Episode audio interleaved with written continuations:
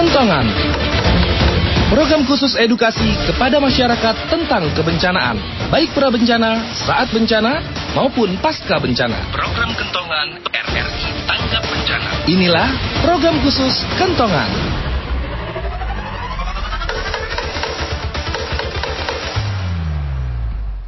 Selamat pagi dan salam jumpa di edisi hari ini. Kita kembali lagi dalam perbincangan pagi di RRI Bogor. Saya Mulani Starto.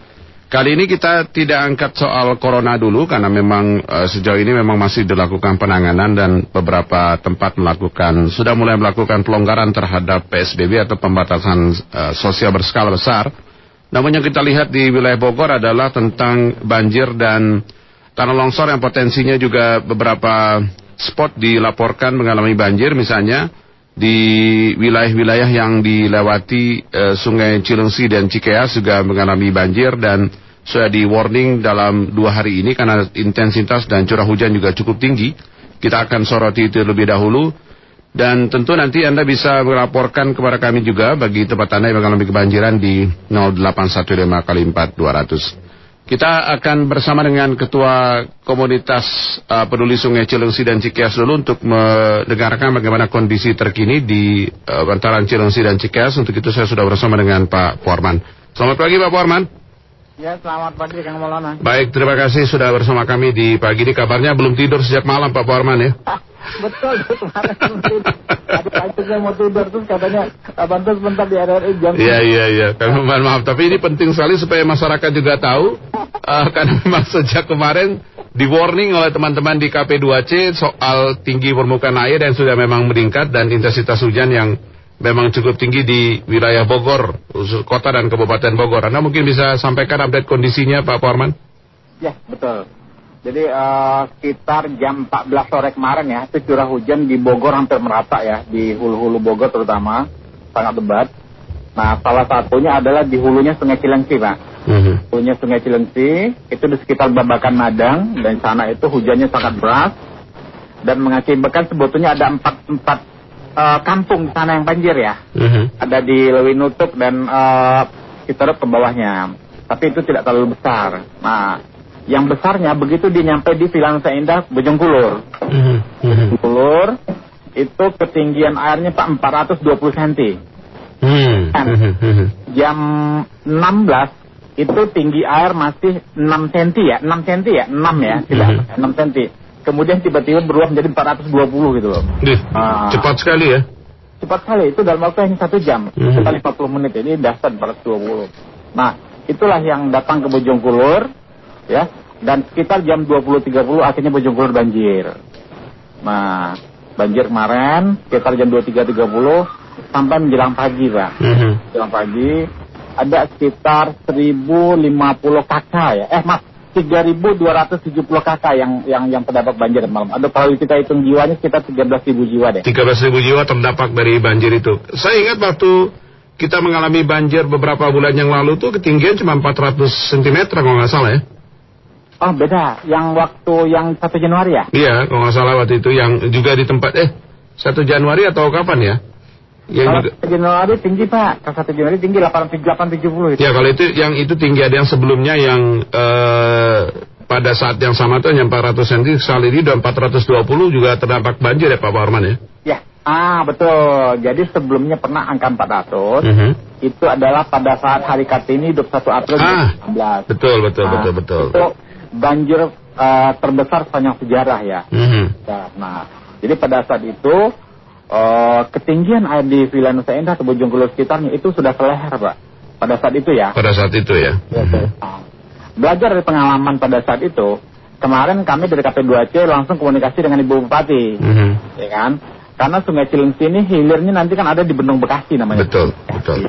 Jadi kami minta kepada Ibu Bupati untuk meminta Pak Wali Kota Bekasi untuk membuka pintu bendung selebar-lebarnya gitu loh. Hmm. Nah, jadi alhamdulillah berkat bantuan Ibu Bupati, pintu bendung dibuka selebar-lebarnya, dampak banjir jauh bisa diminimalisir tadi malam. Jadi tadi malam itu yang parah masuk rumah nggak ada ya. Jadi ketinggian bervariasi antara 30 cm sampai 120 cm Kalau dalam rumah rata-rata 30 cm maksimal. Artinya bahwa kalaupun masuk dalam rumah eh, ketinggiannya hanya 30 cm gitu. Ya. Pak Parman. Ketinggian banjir kemarin rata-rata 30 sampai 120, 120 cm itu di jalanan. Mhm. Kalau yang di dalam rumah sekitar 30 cm lebih kurang. 30 cm. Artinya bahwa memang eh, jauh eh, eh, apa namanya tingkatnya pada saat dulu yang pada hari Kartini itu udah sampai leher kan gitu ya. Betul. Nah hari Kartini itu di hulunya angkanya cuma 400. Makanya itu dulunya 400 kan. Itu karena memang nggak dibuka pintu di Bekasi itu. Nah jadi kalau dulu pintu itu dibuka tapi telat ya, telat. Hmm. Nah, telat, telat mengantisipasi. Nah sekarang dengan adanya KP2C komunikasi dengan Bendung Bekasi bagus, kita waktu air di hulunya kita masih di Cibongas masih di Babakan Madang, Mhm. 6 jam sebelum sampai di Bojongkulur kita sudah koordinasi dengan Bendung Bekasi. Mhm. Supaya sudah mulai mengosongkan bendung gitu loh. Artinya dia udah mulai siap-siap karena memang Udah mulai siap-siap. Betul, betul. Saya menjadi pertanyaan yang tadi Pak Parman. Eh, 6 cm dalam waktu 51 menit menjadi 420 eh, cm. Itu Ya.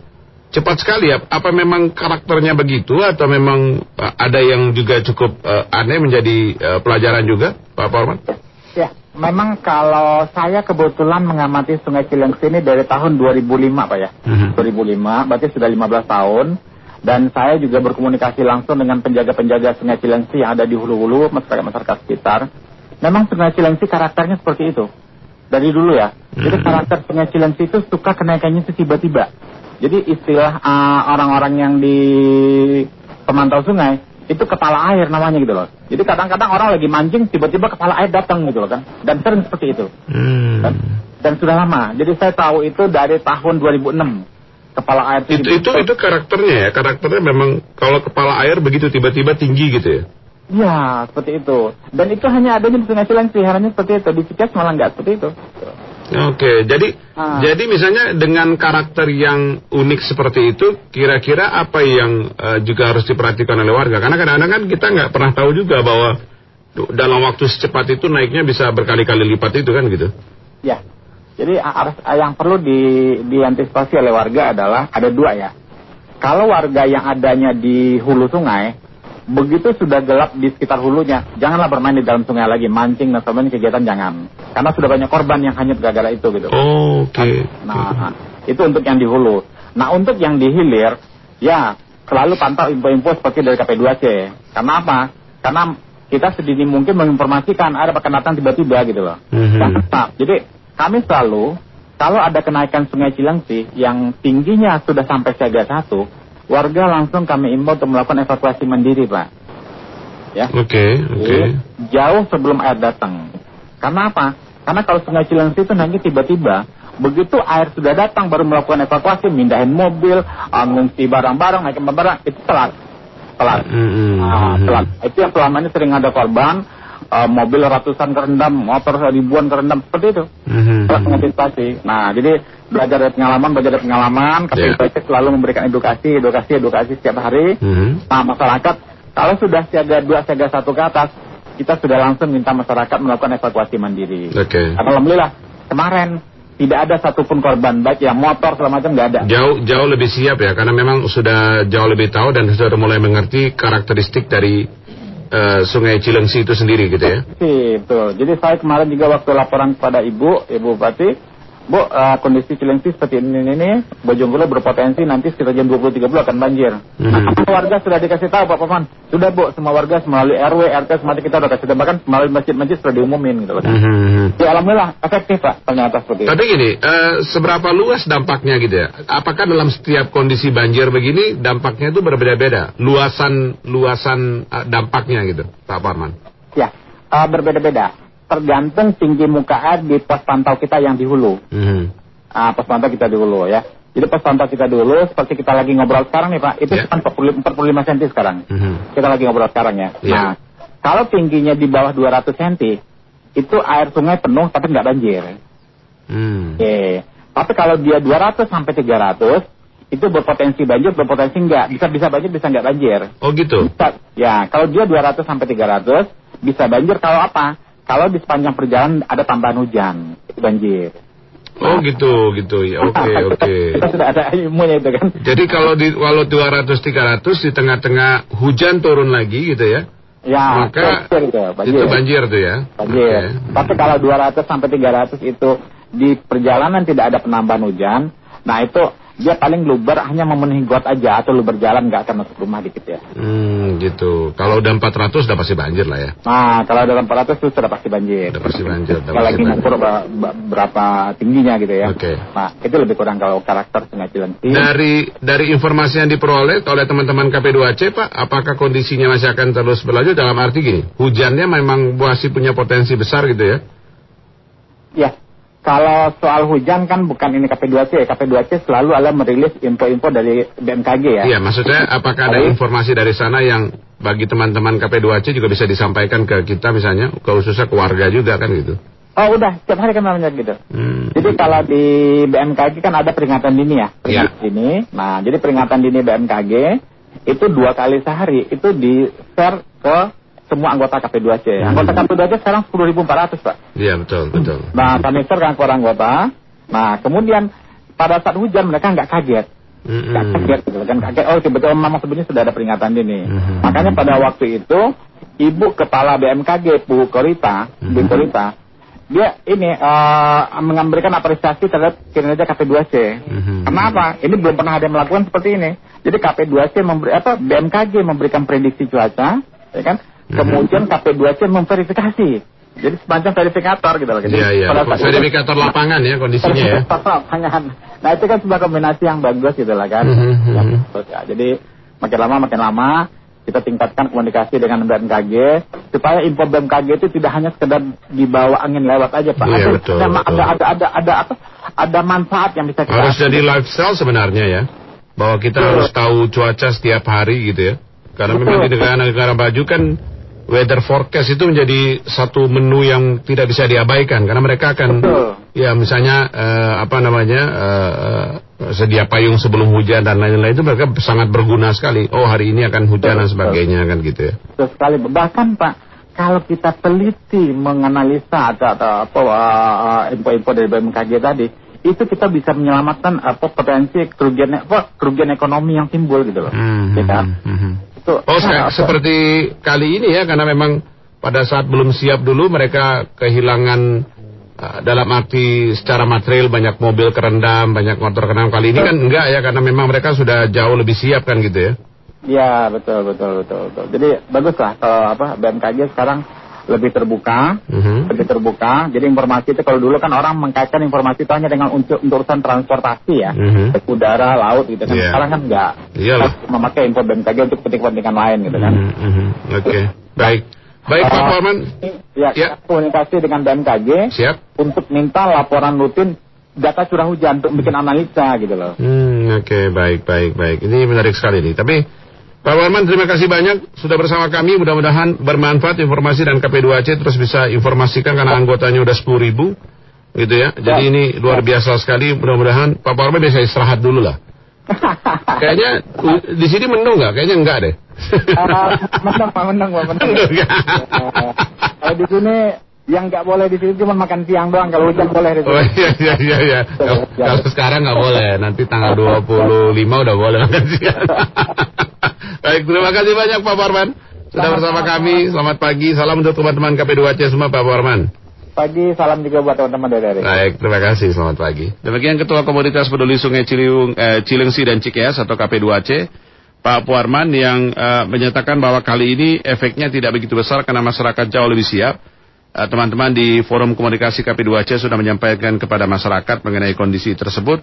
Dan eh, memang eh, curah hujan masih akan kita analisis bersama. Nanti saya bersama kasih data dan informasi BMKG pada saatnya nanti kita ingin tahu benarkah bahwa memang terjadi puncak musim hujan peralihan ke musim kemarau di bulan Mei.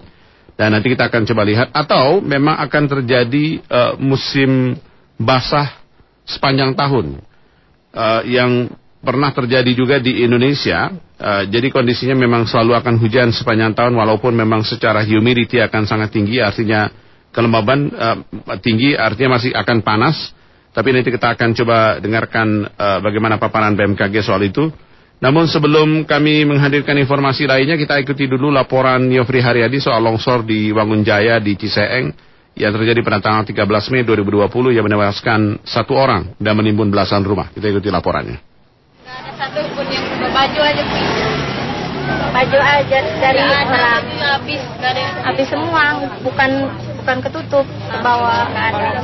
Habis Puluhan warga di Bukit Pawaja, Kampung Suluduk, Desa Wangunjaya, Kecamatan Luwisadeng, Kabupaten Bogor kehilangan tempat tinggalnya akibat longsor yang menggerus rumah mereka sebanyak dua kali pada Rabu dini hari di tengah bulan Ramadan 1441 Hijriah. Tidak hanya belasan rumah warga yang rusak, satu orang korban meninggal dunia bernama Samsudin usia 40 tahun yang terjebak material longsoran dan gagal dievakuasi. Korban meninggal akhirnya dimakamkan saat itu juga di makam keluarganya. Staf Desa Wangunjaya, Kecamatan Lewisadeng, Khairul mengungkapkan dalam peristiwa tersebut baru pertama kali terjadi. Beruntung saat terjadi pergerakan tanah, warga segera siaga dan meninggalkan rumahnya yang mulai digenangi material longsoran berupa lumpur dan batu. 14, 14 rumah yang rusak dan tertimbun satu korban jiwa. Sudah ditemukan. Posisinya si satu orang itu mau nyelamatin empat orang temannya. Jadi Tapi ketika dia mau kabur, dia yang susah. Oh yang susah. Susah untuk menyelamatkan diri. Cara tinggal. Untuk sementara warga diungsi ada yang ke posko pengungsian, posko di Kampung Cipayung,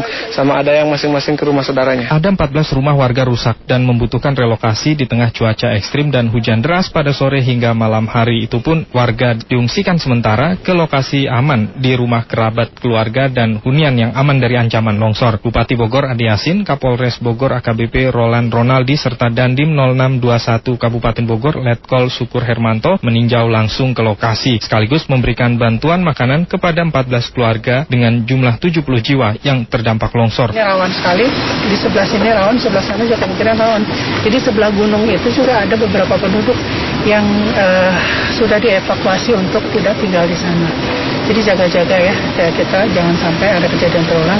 Jadi lebih baik meninggalkan dulu rumahnya nah, sementara waktu sampai kondisinya baik lagi. Sementara kita ditampung di rumah-rumah saudaranya, di rumah-rumah tetangganya di sini yang yang tidak terkena. Ya. Ada bantuan uh, yang mendesak adalah berupa pangan ya dari pemerintah daerah.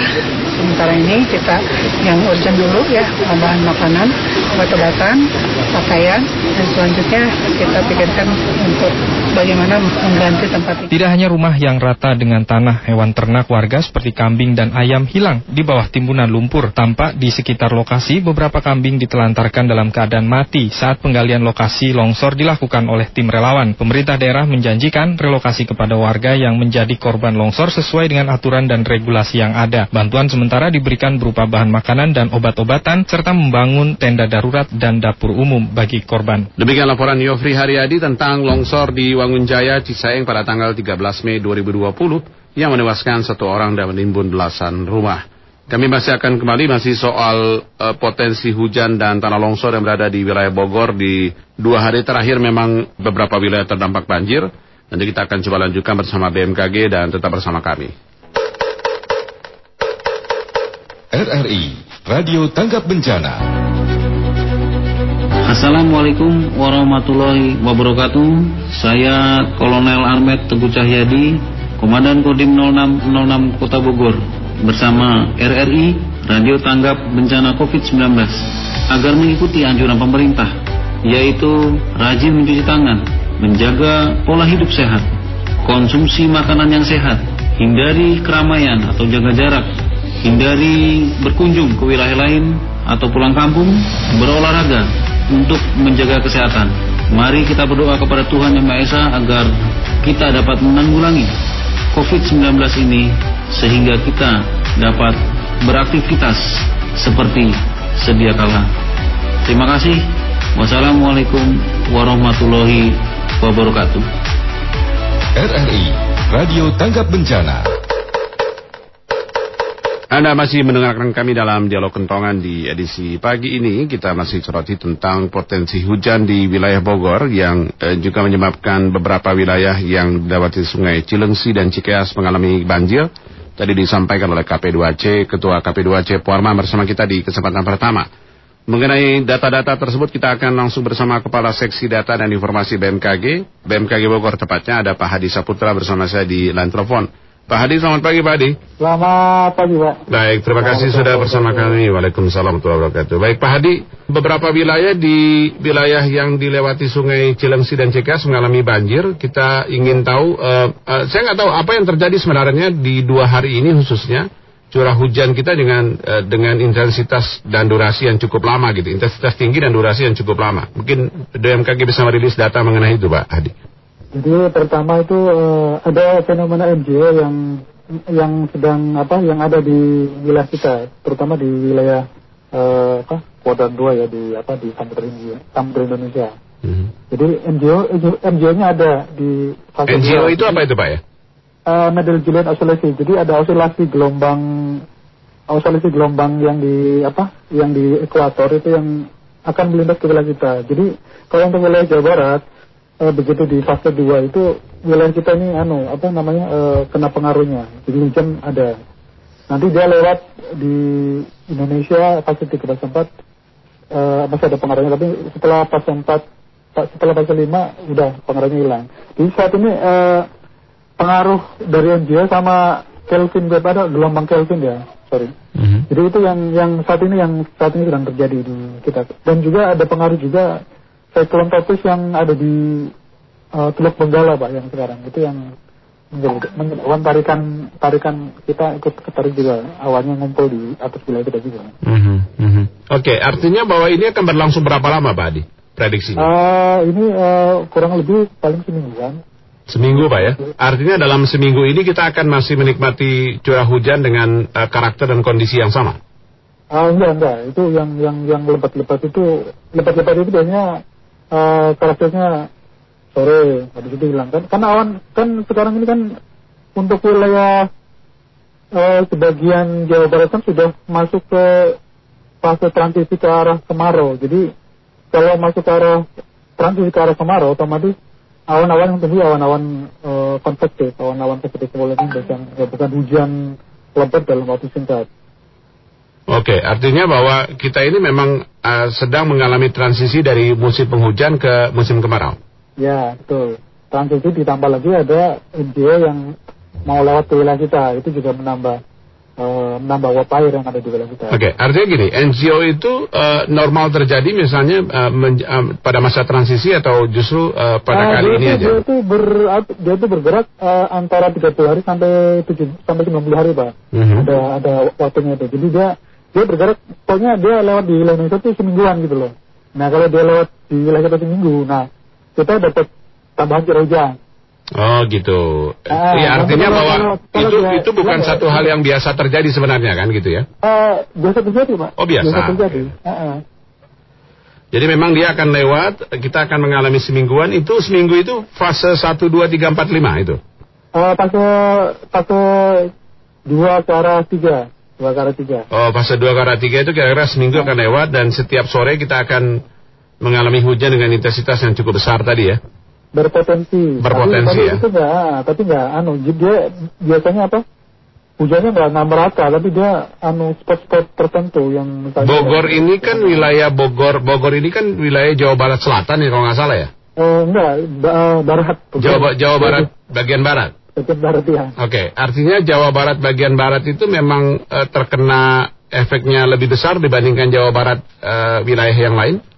Uh, enggak pak, itu hampir hampir hampir anu yang yang kayak gini nih hampir yang kemarin itu hampir berata ya, karena dia uh, apa sudutnya tuh seorang dari tenggara ke arah timur laut, hmm. apa, hmm. Uh, pola awannya itu seperti itu. Oke okay, baik. Nah kemudian juga uh, Uh, karena memang misalnya orang bertanya-tanya ke BMKG apakah kita akan mengalami basah sepanjang tahun apa gitu enggak itu Pak Adi ya? Uh, oh enggak jadi jadi di, di Jawa Barat ini kan uh, masalahnya unik ya antara utara tengah selatan itu memang beda-beda jadi ini enggak enggak bisa di enggak bisa di apa di sama rata kan enggak karena memang uh, kondisi kontur topografisnya juga beda.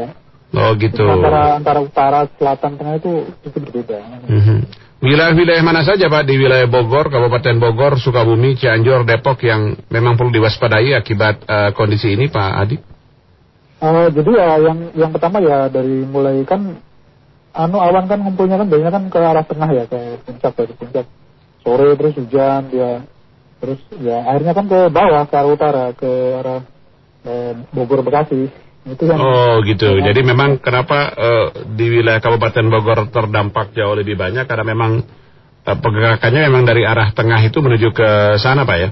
Iya, ke arah, ke arah barat laut. Sebenarnya awalnya itu kan bergerak dari arah tenggara Pak. Tenggara itu dari arah apa sih tenggara tenggara terus ke arah barat laut atau pergerakan awalnya mm -hmm. karena memang sekarang ini ada tarikan siklon tropis yang ada di Teluk Tenggala makanya anginnya ngikut ke arah sana oh gitu oke okay, nah. baik jadi uh, karena masyarakat kan masih harus uh, juga terus waspada khususnya di wilayah ya, yang ya. dilewati Sungai Cilengsi kata uh, hmm. apa namanya karena suka tiba-tiba Pak penuhnya uh, dalam waktu satu jam dari 6 cm ketinggian bisa menjadi 420 cm kan gitu ya karena curah hujannya dengan intensitasnya cukup tinggi dan durasinya cukup lama misalnya kan gitu ya tidak disampaikan oke okay.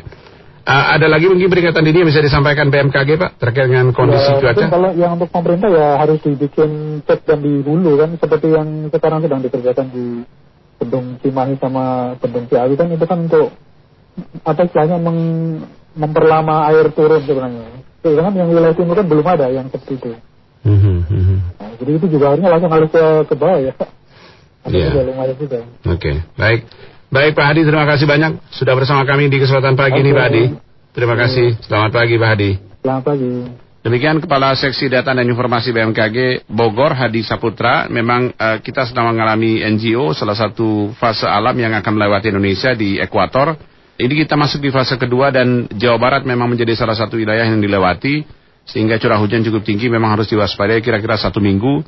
Kita setiap sore akan mengalami hujan dengan karakter dan jenis serupa. Jadi memang harus terus dipantau khususnya di ketinggian air di beberapa wilayah di wilayah Jawa Barat. Baik, mengakhiri kebersamaan kita di pagi ini, kita akan putarkan bagaimana perkembangan kasus COVID-19 per 18 Mei yang disampaikan juru bicara pemerintah untuk penanganan COVID-19, Ahmad Jurianto. Kita sudah melakukan pemeriksaan spesimen sebanyak 190.660 dari 143.035 orang. Dari pemeriksaan ini kita dapatkan data-data kenaikan sebagai berikut untuk konfirmasi COVID-19 positif naik sebanyak 496 orang sehingga menjadi 18.010 orang. Kasus sembuh meningkat 195 orang menjadi 4.324 orang. Kasus meninggal 43 orang sehingga menjadi 1.191 orang. Sudah 389 kabupaten kota di 34 provinsi yang terdampak. Kami memperbarui update data kasus ODP. Kami hanya melaporkan kasus ODP seluruh Indonesia yang sedang kita pantau hari ini, yaitu sebanyak 45.047 orang. Sementara kasus PDP yang masih kita awasi saat ini berjumlah 11.422 orang. Ini yang harus kita perhatikan bersama-sama. Oleh karena itu sekali lagi, mari mulai sekarang kita mengawali kehidupan kita dengan norma-norma normal yang baru. Tentunya yang pertama adalah rajin mencuci tangan dengan menggunakan sabun dan air yang mengalir minimal 20 detik. Kemudian mulai menghilangkan kebiasaan untuk menyentuh wajah, mulut, hidung, dan sebagainya pada saat kita belum mencuci tangan. Kemudian menggunakan masker pada saat kita keluar rumah, hindari kerumunan. Dan setelah kembali ke rumah, pastikan masker kita ganti untuk dicuci lagi. Kemudian mencegah terjadinya kontak yang sangat dekat dengan orang lain. Karena kita tidak pernah tahu bagaimana kondisi seseorang. Oleh karena itu, paling tidak menjaga kontak jarak pada saat kontak fisik adalah lebih dari satu meter.